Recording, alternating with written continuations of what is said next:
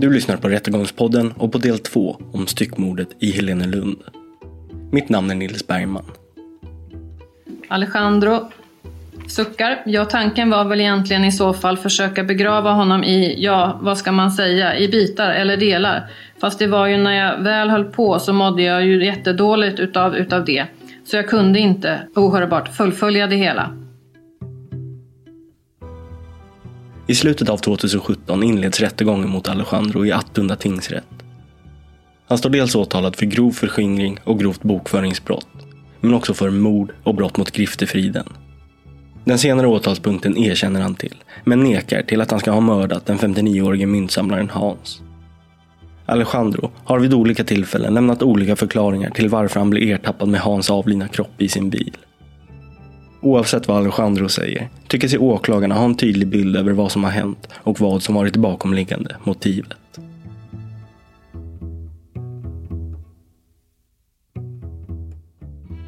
Jag orkar inte mer. Jag är jämt oroad och stressad över vår ekonomi. Jag har aldrig haft det så dåligt ställt och varit så oroad så länge. Det känns som att du kört vår ekonomi i botten. Och det återkommer på några ställen där att hon inte ska titta i er brevlåda. Va, vad handlar det om? Alltså allt, allt det här är, det är, så, det är så luddigt, det är så många grejer. Någon har kört på vår bil där den stått parkerad och den blev bortforslad till bilfirma. Så ingen bil i helgen. Dels är det särdeles ovanligt med personer som slår ihjäl sig själva med våld mot huvudet. Hans hamnade i din bil. Kan du berätta om det? Hur det gick till? Mm, tyvärr, jag vill inte svara på den frågan. Du vill inte eller du kan inte? Eh, jag vill inte. Du vill inte? Så du vet hur det gick till när Hans hamnade i din bil? Nej, jag vill inte svara på den frågan. Du vill inte svara på det? Okej. Okay.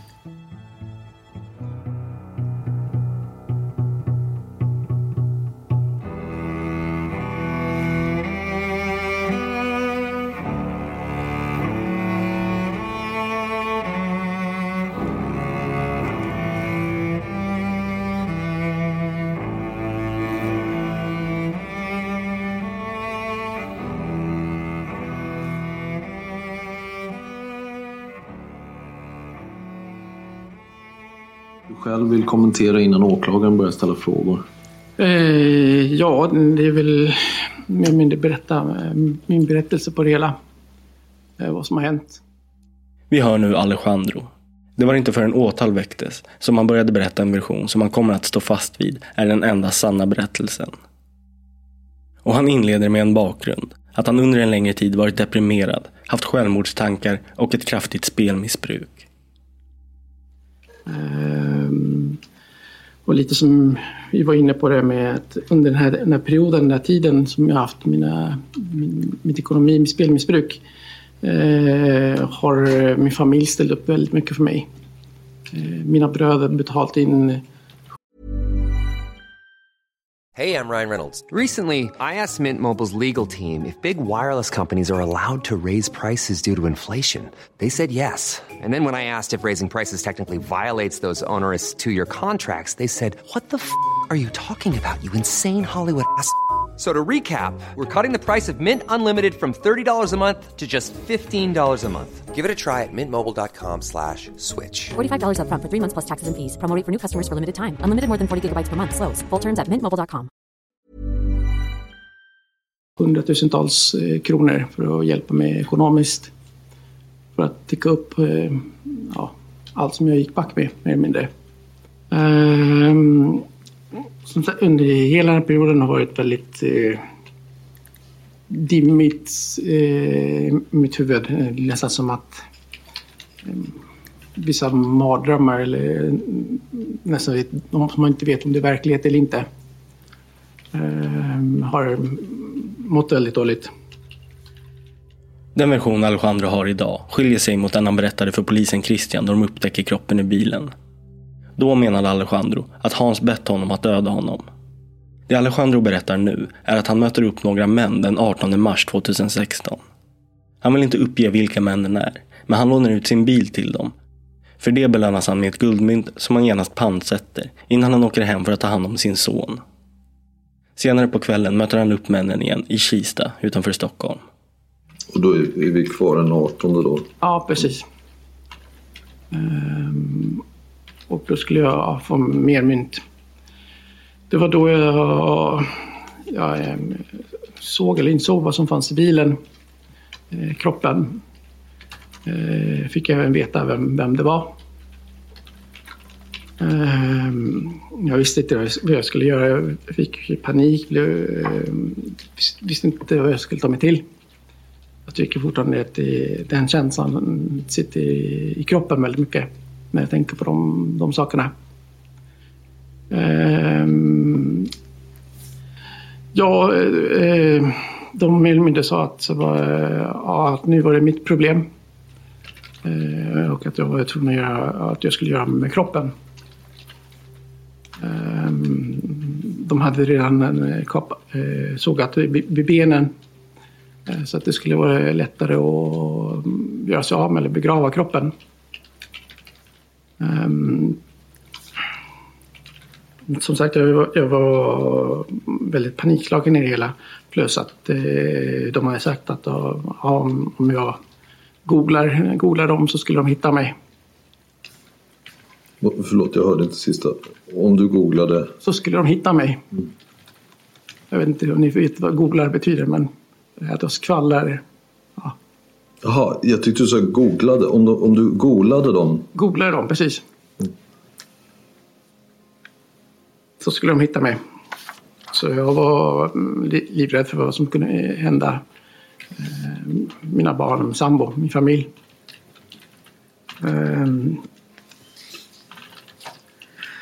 Eh, som sagt, eh, just den helgen 19-20, eller jag kommer inte ihåg så fruktansvärt mycket alltså, skarpt klara minnen av den, den perioden. Alltid väldigt dimmigt och eh, mådde väldigt dåligt helt enkelt.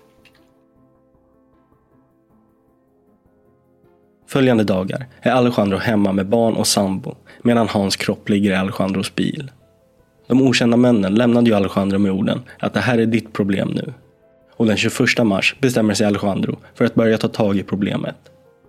Han åker då till Biltema och köper en yxa, spade, en bensindunk, en dunk röd etanol, två rullar plastkassar, handskar och tre stycken buntband. Verktygen, spade, yxa, dunk och lite allt möjligt sånt där. Ehm, och sen, ehm, jag kommer inte heller ihåg exakt datummässigt men några dagar senare då, då eh, jag med bilen eh, norrut. Där jag skulle försöka hitta någon, någonstans i skogen där jag kunde begrava Hans. Men, eh, men jag klarade inte av det. Alltså, både att jag knappt klarade av att lyfta ut honom, han var så pass tung. Eh, och mm, det var mentalt eh, spärr för mig själv. Eh, så mm, så ja, jag åkte tillbaks och, och så han hade legat i bilen eh, ja, väldigt lång tid. Jag flyttade på bilen eh, ett par gånger. Jag kommer inte riktigt ihåg exakt hur många gånger men eh, för att behöva inte skulle stå på samma ställe. Eh, jag visste inte riktigt som sagt vad jag skulle göra. Eh, Alejandro klarar inte att ta tag i problemet. Till sin sambo ljuger han och säger att bilen blivit påkörd och är inne på reparation. Medan han istället med jämna mellanrum förflyttar bilen med Hans kropp i. Hans kropp ligger i svarta sopsäckar men det börjar ändå snabbt lukta av förruttnelsen. Alejandro försöker dämpa lukten genom att sätta upp doftgranar och hälla kaffe på och omkring kroppen. Från och med mars 2016 fram till början av 2017 kör han omkring och flyttar bilen med Hans kropp i. Alejandro mår inte bra under den här tiden och till slut spricker bubblan. Och sen eh, fram tills eh, den dagen där, där jag såg en eh, polisbil som stod och eh, kollade på bilen. Ehm, det allt, allt, allt det där är jag kan bara säga att jag var chock, jag var panikslagen. Jag trodde att mitt liv hade, hade gått under. Eh, visste inte riktigt vad jag skulle ta mig till. Och då, då, jag sa till polisen mm, att jag hade en kropp i bilen. Eh, men om jag ska vara helt ärlig så kommer jag knappt ihåg vad jag, vad jag sa till polisen på plats och i, i bilen. Allting var en stor eh, dimma, allting. Eh, och sen under första förhöret så både att jag var eh, djupt deprimerad och ångerfull, hade skuldkänslor för, all, för att jag hade haft en kropp i bilen. Eh, så mådde jag väldigt dåligt och sen var jag väldigt eh, uh, starkt medicinerad. Jag, jag har faktiskt inte den blekaste aning vad jag fick för tabletter. Men eh, samtidigt som jag skakade så försökte jag hålla mig vaken. Eh, kändes mig så ja, grovt medicinerad. Ehm, I de första förhören berättar Alejandro en annan historia. Den som han även berättar för polisen Christian på väg till arresten. Alejandros förklaring till det, utöver att han är djupt deprimerad, medicinerad och befinner sig i en dimma, är att när han väl sitter häktad så överhör han vad andra interner tycker om folk som googlar, som Alejandro kallar det. Och som sagt, det, även under tiden jag var på häktet så mm, man har hört eh, intagna i korridorerna på kvällarna när alla står och skriker och så här, eh, att vad, vad man gör med folk som, eh, som skvallrar, som googlar. Att, det, ja, att de skjuter man helt enkelt. Så det var av rädsla av vad som skulle hända Alejandro om han namnger personerna han tror ligger bakom Hans död. Som han väljer att berätta att det var Hans som uppmanade Alejandro att döda honom. Varpå han slog Hans med en slägga i huvudet. Senare ändrar han sig till att Hans slog sig själv i huvudet med en slägga. Men att Alejandro var med men idag hävdar han alltså att inget av det här stämmer överhuvudtaget. Jag, jag har haft spelmissbruk men jag är inte kriminell, har inte någon kriminell bakgrund. Ehm, jag skulle inte kunna göra något sånt här. Eh, trots att jag har haft massa mardrömmar där ja, massa olika saker har hänt. Ehm, sen tycker jag, eh, även som, som mitt, mitt försvar har sagt mycket, att det, jag, jag kan nog säga att jag mer hoppades på att polisen skulle göra sitt jobb och hitta bevis på, på de som, som hade gjort det. Så att jag slapp säga någonting. Så, ehm, Kort, ungefär. Mm. Åklagaren frågor. Ja, tack. Eh... Åklagaren och polisens utredare har utarbetat en så kallad kronologi Alltså en kartläggning av Alejandros rörelsemönster, privatliv, sms och banktransaktioner åren innan och året efter Hans försvinner. Och de uppgifterna blir intressanta, för Alejandro har levt ett liv i lögn, som slutligen drabbade Hans, men som till stor del gick ut över hans sambo Malin. Ehm, jag har några frågor kring den här kronologin.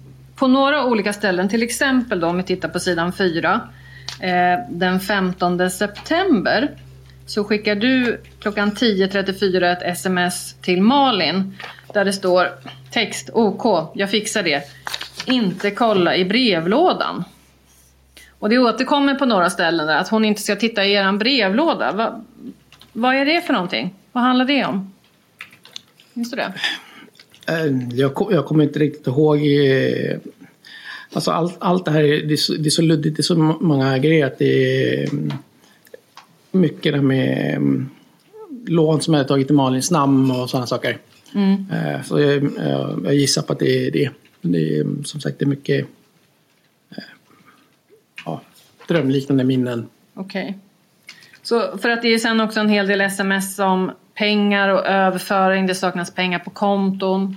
Har du några kommentarer till det här fram, från 2015 fram till och under 2016 fram till sommaren 2016? Eh, nej, förutom att jag har haft eh, pengaproblem och spelmissbruk. Mm. Eh, och det är just det här, här, visste inte Malin om det, min familj visste om, inte om det. När fick Malin veta om det? Att du hade spel, spelmissbruk och, och stora skulder? Eh, det vet jag faktiskt inte riktigt. Hon har säkert bättre koll på det. Men vet du ungefär när i tiden vi pratar om? Är det sommaren 2016 eller är det under våren? kommer jag tyvärr inte ihåg. Nej, okej. Men runt eh, i mars 2016, när Hans dör, känner Malin till att du har förlorat jobbet då? Eh, det vet jag faktiskt inte riktigt. Jag tror, tror inte det. Nej. I förundersökningen finns alltså en omfattande kartläggning av sms-trafik mellan Alejandro och hans sambo Malin. Där det framgår att större delen av deras konversationer kretsar kring ekonomiska bekymmer. Kan du föra över 3000 till sparkontot? Det är nästan helt tomt på våra konton nu. Puss. Bekymren tar sin början i september 2015 då sambon upprör sig över att de aldrig tycks ha pengar för att täcka upp för deras levnadskostnader. Sakta men säkert har Malin ryckts med i en ekonomiskt nedåtgående spiral och inte alltid hunnit reflektera kring varför det är på det här viset. Men hon har ofta ett öga på deras bankkonton eftersom hon är mån om att veta när pengar från Alejandros jobb kommer in. Din lön har förresten inte kommit in. Kan du kolla upp det? Puss. När Alejandro svarar på Malins sms är det ofta med korta meningar och med kreativa förklaringar till varför lönen och andra överföringar ständigt är försenade eller hamnar på fel konton. Hon skriver ofta att Alejandro behöver få bättre koll på sin ekonomi. Och då händer det att Alejandro svarar med ett ömkande svar. Vid ett tillfälle när Malin frågat honom hur det går på jobbet efter att ha legat på honom om att hans lön inte kommit in svarar han Det går OK. Jag fixar allt imorgon älskling. Ta det lugnt nu och varva ner innan du går och lägger dig. Älskar dig så mycket. Jag är rädd för att du skulle glömma bort mig ifall jag skulle gå bort. Blir tårögd och ledsen bara jag tänker på det. Gråt-emoji. Men älskling, för det första ska du inte gå bort. Du har lovat att jag inte ska bli av med dig så lätt. Och för det andra skulle jag aldrig glömma bort dig, oavsett vad. Du får sluta ha så negativa tankar. Du såg ju hur ledsen vår son blev när du skulle gå. Han pratar om dig när du inte är här. Han älskar sin pappa mest i världen. Och jag älskar dig. Och du kommer alltid att vara en del av mig. Men under februari 2016, sju dagar innan Alejandros arbetsgivare Reitan har sitt konfrontationsmöte med Alejandro om att han har förskingrat pengar, ligger Malin på honom ytterligare. Nu ser jag återigen flera dragningar på vårt matkonto. Allvarligt. Du får förklara sen varför det hände sånt här med vår privatekonomi. Den 17 februari blir Alejandro uppsagd med omedelbar verkan och han förlorar sin inkomst. Det här är ingenting han berättar för sin sambo, som dock reagerar på att hans lön kommer in för sent och att de har det väldigt dåligt ställt ekonomiskt. Knappt så att hon under sin mammaledighet har råd att köpa basala matvaror. Har du förresten hört någonting om lönen? Den har ju fortfarande inte kommit in. Nu kommer vi få påminnelseavgifter och jag kommer behöva föra Gud, vi över behöver verkligen få in din lön snart. Vi har ju snart inga pengar på något konto. Under samma tid som Hans möter upp med Per-Göran på Stockholms myntklubb om att börja sälja sina mynt är Alejandro djupt skuldsatt. Jag är så arg. Nu missade jag tunnelbanan till Kista med bara några sekunder för att det inte fanns pengar på varken kortet eller på matkortet. Jag hade kollat tidigare och då fanns det i alla fall tillräckligt för att fylla på med 100 kronor. Det här innebär att jag blir 15 minuter försenad till gynekologen. Jag står inte ut med hur vår ekonomi har blivit längre. Jag är så jävla arg. Nu måste det vara slut på allt strul. Pengarna han tar från hans och Malins sparkonton spelar han upp. Då börjar han i hemlighet teckna lån i Malins namn. Den 18 mars, dagen som Hans försvinner, skriver Malin en dagboksanteckning. Dagen blev inte som vi trott. Vi skulle ha gjort någonting fredagsmysigt, men Alejandro blev inkallad på möte hos Ingmarie. Någon har kört på vår bil där den stått parkerad och den blev bortforslad till bilfirma. Så ingen bil i helgen. Alejandro är noga med att undanhålla brev och annat som skulle kunna avslöja Alejandro. Och Malin lever kvar i tron om att Alejandro har kvar sin 7-Eleven butik. Alejandro täcker då upp för sin lön genom att pantsätta enstaka guldmynt. Han får inte ut ens i närheten av vad mynten är värda, men tillräckligt för att låtsas att det är hans lön. Samtidigt försöker han spela och betta ihop pengar, ofta utan lycka. I slutet av april 2016 upprättar dessutom Ekobrottsmyndigheten en anmälan om bokföringsbrott och försvårande av skattekontroll rörande Alejandros egna bolag inom servicehandel. Nu ser det ordentligt mörkt ut för Alejandro och han och hans sambo har inga pengar kvar alls. Idag är sista dagen att betala kreditkort på 8000 kronor som vi lånade av mig på grund av att din lön inte kom. Och vi har noll kronor på lönekontot. Imorgon dras alla räkningar och vi har noll kronor. Vi har ingen mer middag, inget smör till exempel. Och vi har inga pengar att handla mat för. Din lön kommer som vanligt en dag sent och garanterat till fel konto. Alla ICA-pengar kommer också komma till fel konto. Nu har vi inga pengar alls över helgen. Du har försatt oss i den här ekonomiska knipan och jag står inte ut längre. Det har varit höga skulder, fel lön, försenad lön, Försäkringskassan kommer inte, pengar till fel konton, fel överföringar, ICA-banken och Forexbanken länsar våra konton. Jag orkar inte mer. Jag är jämt oroad och stressad över vår ekonomi. Jag har aldrig haft det så dåligt ställt och varit så oroad så länge. Det känns som att du kört vår ekonomi i botten. I maj 2016 passerar Alejandro många betalstationer, vilket innebär att han frekvent flyttar runt bilen med Hans kropp i, som nu börjat lukta mer och mer illa.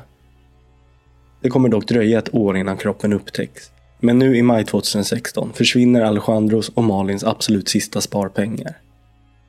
En vacker dag har Kronofogden varit och lämnat ett delgivningskvitto framför deras dörr och Malin upptäcker då att Alejandro har tagit lån i Malins namn på 500 000 kronor.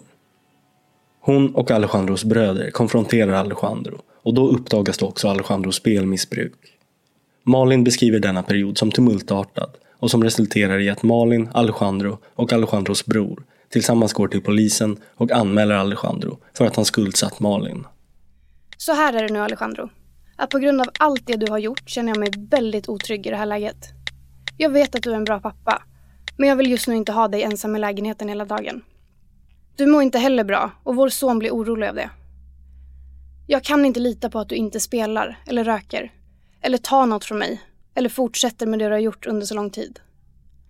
Du har ljugit så mycket för mig och vi var tvungna att konfrontera dig med fakta innan du erkände. Du ljög in i det sista.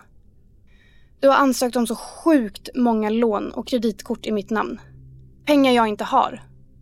Och du har stulit saker. Du har gjort så mycket sjuka saker mot mig under så lång tid. Du har varit en annan än du utgivit dig för att vara. Så nu får du förstå att jag känner mig otrygg och att det kommer ta lång tid att bygga upp ett förtroende igen. Du kan inte tro att det kommer tillbaka igen på en gång. Ska inte smsa mer ikväll. När jag hinner känna och tänka kan jag bara inte förstå att du säger att du älskar mig men ändå valde att göra det här mot mig. Om och om igen. Istället för att bara låta det drabba dig. Alejandro skrivs in på Sankt Görans sjukhus i två veckor och behandlas för sin depression och spelmissbruk. Alejandro har dock permissioner och de utnyttjar han till att fortsätta flytta runt bilen med Hans kropp i. När parkeringsböter ibland når Malin går hon till platsen för att titta efter bilen. Men då har Alejandro hunnit flytta på den. Jag tänkte på det här med... Du sa förut på min fråga att, att Hans har, kroppen efter Hans då har legat i, i, i din bil sedan den 18 mars 2016. Och vi kan ju se att bilen har använts flera gånger, bland annat den 18. Och det har fått trängselskatt då den 18 mars. Minns du om du när och i så fall var du körde någonstans den 18 mars med bilen? Eh, nej, faktiskt inte. Um, jag vet att man sagt att jag körde, körde bilen ett par gånger e- efter det. Mm. Um, ja, jag kommer inte ihåg om det var, eh, det var flera gånger jag, jag åkte eh, norrut bara för att försöka begrava honom. Uh, jag har något minne att det kanske när, när, du nämnde det med Bar, att jag liksom att jag kanske hade tappat honom någon, någon, gång eller flyttat på honom när jag var i skogen. Men eh, annars har han legat i bilen. Eh. Mm. Då kanske jag missförstod det, för jag förstod det som att, att du aldrig hade tagit ut honom ur bilen. Men jag kanske missförstod det. Ja, som sagt, jag, jag kommer inte exakt allting, ihåg allt ordagrant eller i detalj hur allting var. Men jag har någon svag minne på att jag har åkt i, två gånger upp i, ja, upp i skogen eller om det var flera gånger. Och eh, För första gången var han för tung, jag kunde inte lyfta upp honom alls. Eller jag vet inte om han var, ja, både mentalt och så. Eh, men för mig, för mig andra gången att jag var tvungen att flytta på, bi, eh, på, på bil, flytta på honom så, eh, så jag kan ha tappat honom i... Eh, ja, när jag skulle ändra position på honom i bilen. Mm. Och var befann du dig och bilen då så att säga?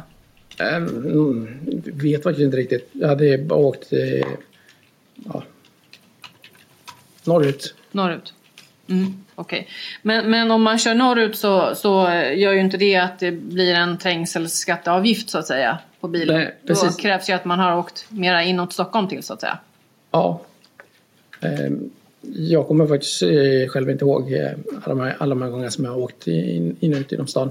För jag, hade gjort, jag gjorde en liten tabell här som jag presenterade att utöver då den 18 mars, om vi bortser från den dagen, så är det ju 32 tillfällen när den här bilen har passerat en betalningsstation ja, och precis. det faller ut trängselskatt. 32 tillfällen. Ja, jag, jag vet faktiskt inte. Jag har tänkt själv. Men jag har inte kommit fram till någon. Kommer inte ihåg. Du kommer inte ihåg? Nej.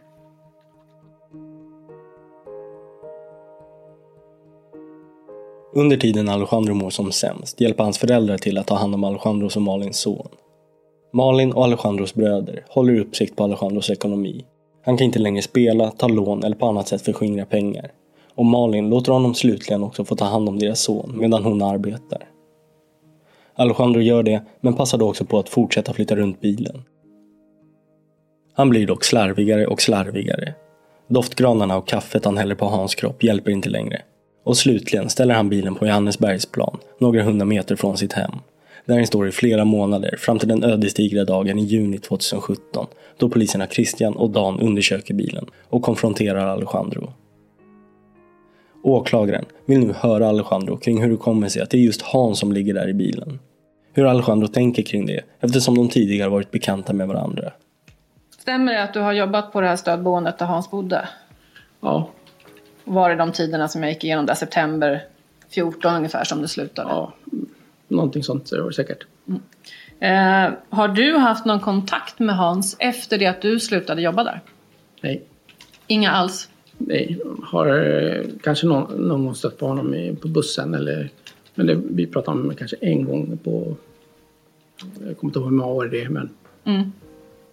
Okej. Okay. Eh, du har ju berättat på ett annat sätt i flera förhör som eh, hölls under, har hållits under förundersökningen. Det var ju först i det här sista förhöret som hölls med dig dagen innan åtal väcktes som du berättade det här som du berättar idag. Precis. Eh, hur kommer det sig? Eh, det är någonting som jag även sagt eh, både i det förhöret och också att det, jag har eh, under allt min tid, jag vet inte om jag har varit naiv och, och trott och hoppats på att polisen skulle göra sitt jobb och få fram bevis på att det, det är inte jag som hade gjort det. Ehm, jag har alltid under hela den här perioden har jag varit eh, väldigt rädd för att försäga mig. Ehm, det känns som att det var, var sagt det, vad folk ville att jag skulle säga. I polisförhör har Alejandro berättat att han visst haft en del kontakt med Hans efter att han slutat på stödboendet. De har bland annat träffats i Edsbergs centrum och pratat om deras olika hälsotillstånd. Vi fortsatte prata om problemen som både han hade, att han kände sig sämre. Eh, och så berättar jag också om, om, om mina problem och pengar och allt det där.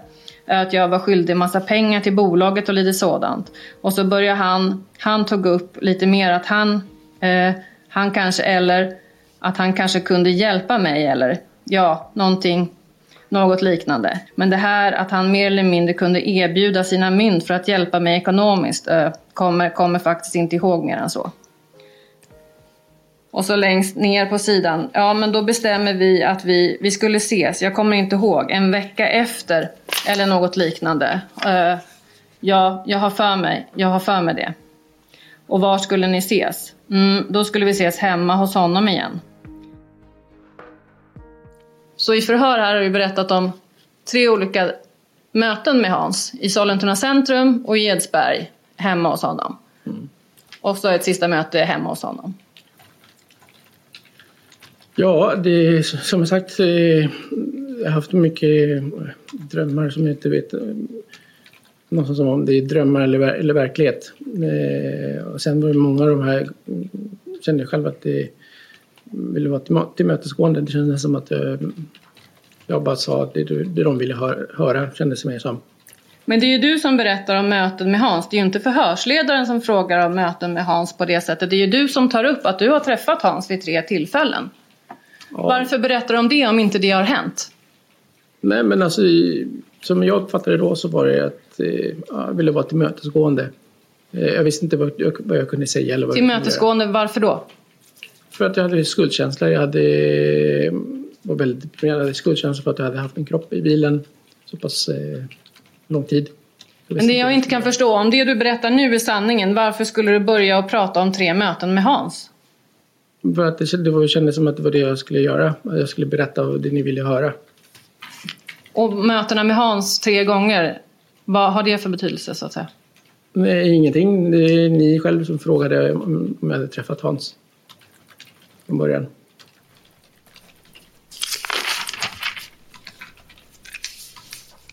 Okej. Okay. Eh... I polisförhör får Alejandro även frågan om hur, var och när Hans dog. Alejandro börjar nu berätta om en gång då han befinner sig hemma hos Hans. Under mötet går det upp för Alejandro att Hans vill försvinna och är villig att erbjuda Alejandro sin myntsamling om han hjälper honom till det. Spin your passion into a business with Shopify and break sales records with the world's best converting checkout. Let's hear that one more time. the world's best converting checkout. Shopify's legendary checkout makes it easier for customers to shop on your website, across social media, and everywhere in between. Now that's music to your ears. Any way you spin it, you can be a smash hit with Shopify. Start your dollar a month trial today at shopify.com slash records. Det är så dimmigt så. Diskuterade och tjafsade. Nu har du fått mynten. Nu Så nu får du uppfylla det du ska göra någonting. Det du har sagt att du ska göra. Allting är ju verkligen som pusselbitar som jag inte riktigt inte vet riktigt om det är så. Det är så det är. Då tar han min hand och gör det och sen alltså ingenting är så, ja ingenting är ju så suddigt. Förstår inte. Förhörsledaren, kan du prata lite högre? Jag har svårt att höra eftersom du sitter en bit ifrån också misstänkt. Jag tycker inte att jag är en dålig människa. Förhörsledaren. Nej, eh, du kommer inte ihåg allting, nej. Ah, eh, och det är en lång tid som, som, vi pratar om så det kanske inte är så konstigt heller att du inte minns. Men om du eh, kan väl berätta för mig det du minns? Om du säger små pusselbitar, vad är det för någonting du minns? Misstänkt. Att han, att han höll i en hammare eller någonting. Eller att någonting händer i lägenheten, i hans lägenhet. I det stora hela är det väl det att jag skulle eh, med. Både att någon sekund insåg jag vad som hade hänt och att jag skulle göra det jag lovat. Den här anledningen att jag skulle göra, begrava honom någonstans. Han hade sagt att han ville försvinna. Tanken var inte att jag skulle slå ihjäl honom. Tanken var att jag skulle mer eller mindre hjälpa honom att försvinna och begrava honom jag kommer aldrig ihåg att vi kom överens om att, att jag är personen som eh, skulle slå ihjäl honom. Men det var ju det att han, han, han ville bli begravd uppe i, uppe i skogen, uppe i Norrland någonstans. Det var egentligen det som var själva önskemålet, eller man ska säga. Han tog fram hammaren där, min puls gick jättehögt. Nästan som att jag blir yr. Förhörsledaren. Mm. Alejandro. Och och sedan som sagt, ja allting gick så snabbt fram till att han, att han ligger på golvet efter att han sla har slagit sig ett par gånger. Jag hör att, att ljuden som, hur det lät när han slog sig själv och det mådde dåligt och mådde, då, mådde och arg, ledsen. Förhörsledaren. Hur många slag hörde du då?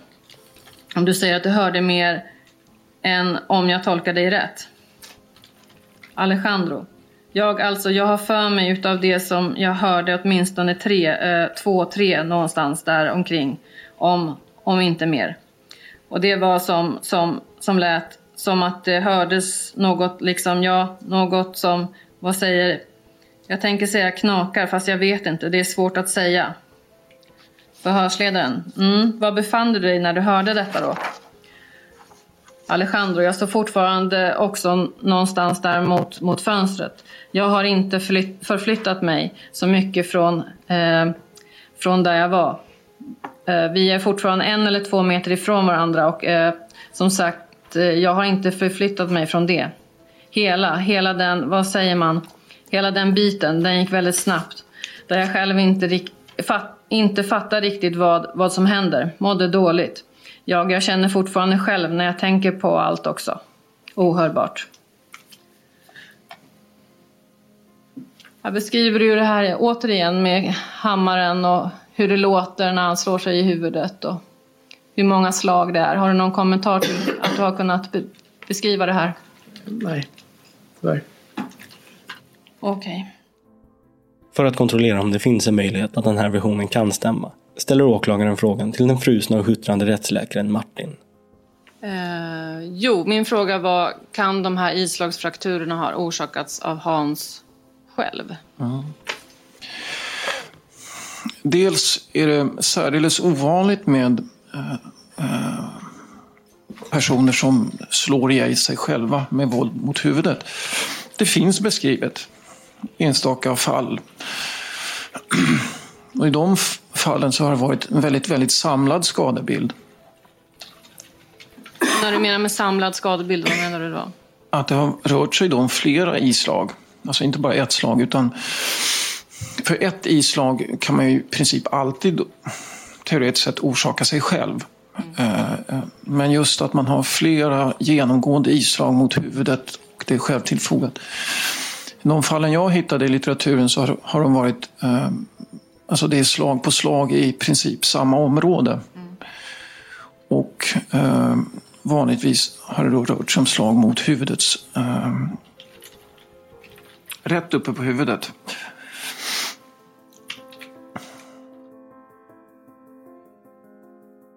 Alejandros version om att Hans tillfogat sina skallskador själv förefaller som orimlig och osannolik. Alejandro är vag och ospecifik kring hur det hela skulle gått till men har klarare minnesbilder av hur han får ut Hans kropp ur lägenheten. Något han gör för att uppfylla Hans önskan om att försvinna och begravas i en skog. Alejandro säger, ja, men det är lite som jag sagt eh, att det är. Jag släpade ner honom för trapporna och det är också en sådan här sådan här starkt minne eftersom ljudet av hans, jag tycker jag hör ljudet av hans skalle slå i trapporna. Som jag till, sa till psykologen, det låter nästan som ett äggskal så eh, jag beskriver du någonting om att det här ljudet är som äggskal? Har du någon kommentar till varför du har berättat så här för polisen? Eh, nej, ingen kommentar. Nej. Hur har de här buntbanden hamnat på Hans? Vill inte svara på den frågan. Du vill inte det? Alejandro ger i förhör aldrig något bra svar på varför Hans har ett buntband runt halsen. Och när åklagaren ställer mer konkreta detaljfrågor tystnar Alejandro och vill inte svara på frågorna. Jag vill inte svara på den frågan. Nej, okej. Okay. Eh, men jag uppfattade att det var så du, din inställning är nu, att benen redan var avkapade när han låg i bilen när du fick tillbaka bilen. Stämmer det? Eh, ja. Mm. Och hur kommer det sig då att du har berättat på annat sätt om den här amputationen i förhör tidigare? Jag vill inte svara på den frågan. Nej, okej. Okay. Då backar vi igen då. Styckena längst ner där. Eh, Alejandro, jag har för mig att jag tänkte om jag skulle kanske begrava i mindre delar eller någonting fast det, det kunde jag inte heller. Det mådde, jag mådde jättedåligt när jag, när jag såg honom där eller försöka någonting. Förhörsledaren, du försökte, sa du det? Misstänkt, ja. Förhörsledaren på vilket sätt? misstänkt. Eh, jag tror att jag har för mig att jag hade nedanför knäna ohörbart. Ja, det är väl det jag försökte, men kunde inte.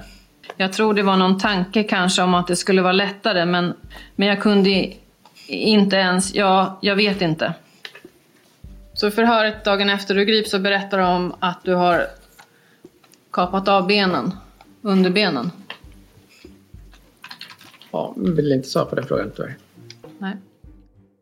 I ett polisförhör den 12 juni, kort efter det första förhöret, berättade Alejandro att tanken med styckandet var att begrava Hans i bitar. Men när han väl höll på började han må jättedåligt och klarade inte av att fullfölja det hela. Att han berättat så har han i rättssalen ingen kommentar till. Åklagaren fortsätter att läsa upp delar ur polisförhören som hölls den 28 augusti, då Alejandro fortsätter berätta hur styckandet gick till. Alejandro, jag, jag sågade precis under knät. Jag har för mig eh, det var bara det jag gjorde. Förhörsledaren. Höger eller vänster eller båda? Alejandro, jag har för mig att det var båda faktiskt. Förhörsledaren. Och vad använde du sa du? Alejandro, mm, någon såg jag hade, eh, som jag hade i bilen. Förhörsledaren, mm, och hur kom den till bilen? Alejandro suckar. Eh, jag, jag antar jag, jag måste tagit med mig den när jag hämtade pressändningen. Eller jag, jag vet inte. Kommer du ihåg att du har berättat det här för polisen i augusti? Eh, Vill inte svara på den frågan tyvärr. Nej. Att jag använt en såg som har kapat underbenen på Hans. Var kommer det ifrån? Mm, Vill inte svara på den frågan. Tack. Nej. Idag hävdar Alejandro som sagt att inget av det han tidigare sagt stämmer. Utan vidhåller att ett antal män lånat hans bil samma kväll som Hans ska ha dött. Innan han kom med den uppgiften hade han i polisförhör fått frågan om han lånat ut bilen till någon. Alejandro. Om någon annan använt den? Förhörsledaren. Mm. Alejandro. Ja, alltså inte vad jag vet. Alltså som sagt, eh, den är ju inte ny. Vi köpte den begagnad. Och lite längre ner eh, är det en fråga från förhörsledaren igen. Brukar du låna ut bilar till folk? Och Alejandro svarar. Eh, nej, jag brukar väl låna ohörbart till folk ibland, men det behöver det om det behöver det, men jag kommer, det är ingenting jag kommer ihåg. Så här har du fått frågan om du har lånat ut bilen till någon, men svarat att du inte har gjort det, eller du inte kommer ihåg det i vart fall. Varför svarade du så på förhörsledarens fråga? Jag Vill inte svara på den frågan.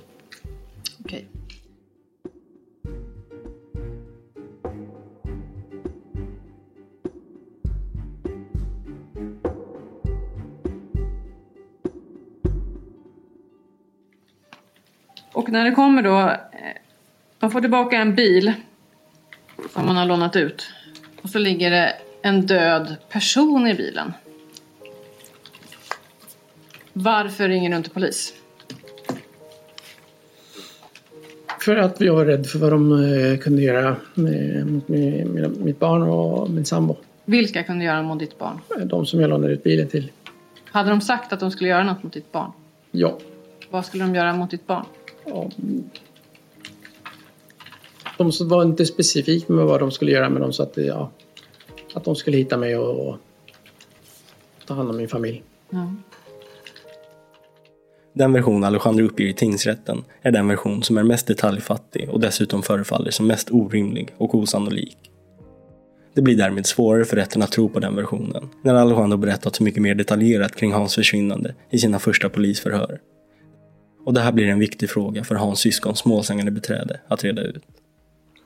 Jag har så mycket frågor egentligen för att jag förstår inte så mycket jag inte förstår. Va- Varför var du så detaljerad i de här förhören där du, där du inte talade sanning? Jag, eh, jag vet nog själv inte heller. Det var ju mycket att... eh, eh, ja, Jag visste inte vad jag kunde säga. Eller hur mycket jag vågade säga eller vad, vad jag skulle säga. Jag har som sagt aldrig varit i ett sådant här sits.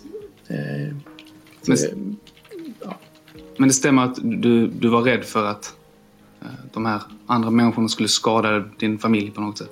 Ja, alltså själv hade jag ju redan eh, mycket självmordstankar och allting sånt. Så det var ju, kände nästan så att ja, ja, men mig kan spela ingen roll. Jag vill skydda mi- mina barn, viktigast av allt. Men det stämmer också att du hoppades någonstans på att polisen skulle hitta. Ja, jag hoppades på att polisen skulle hitta bevis på, ja, på att det inte var jag. Alltså det... Tror du inte att du försvårade utredningen när du sitter och ljuger rakt igenom? Det kändes som att, det, som att jag sa det, det polisen ville höra. Det, jag, Varför, varför tror du de ville höra lögner?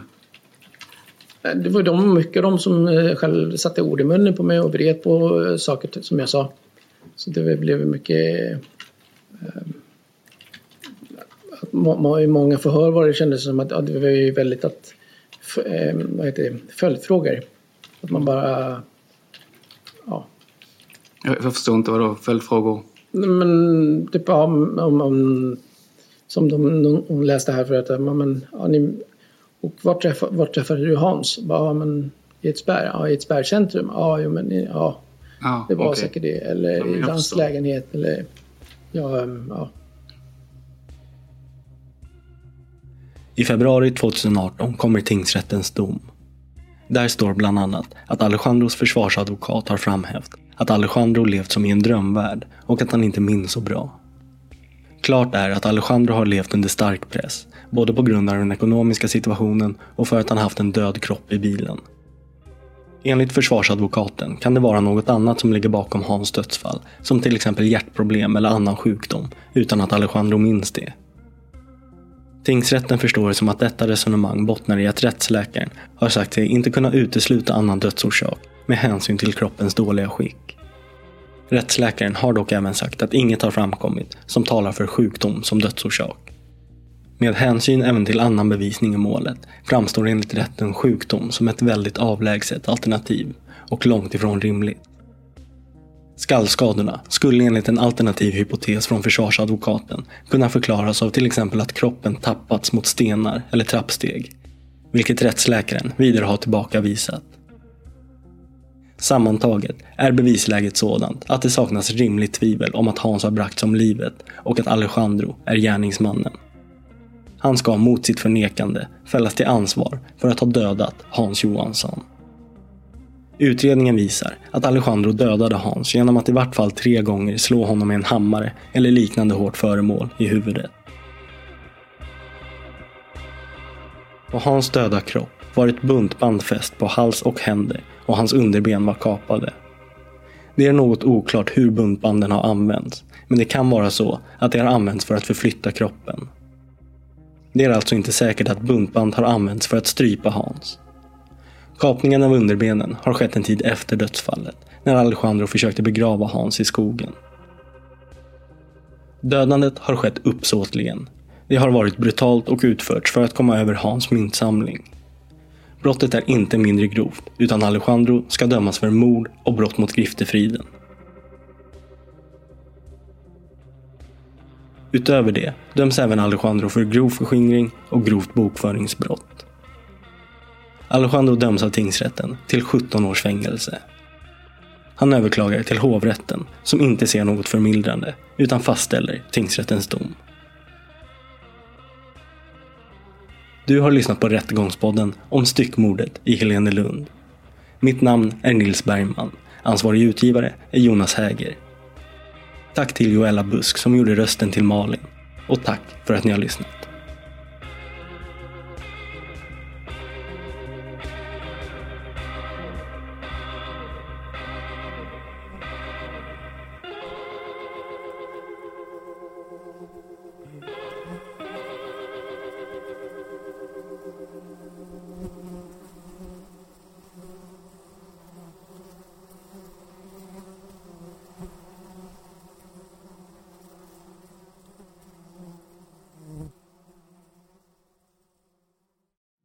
Rättegångspodden är en Tall Tale produktion.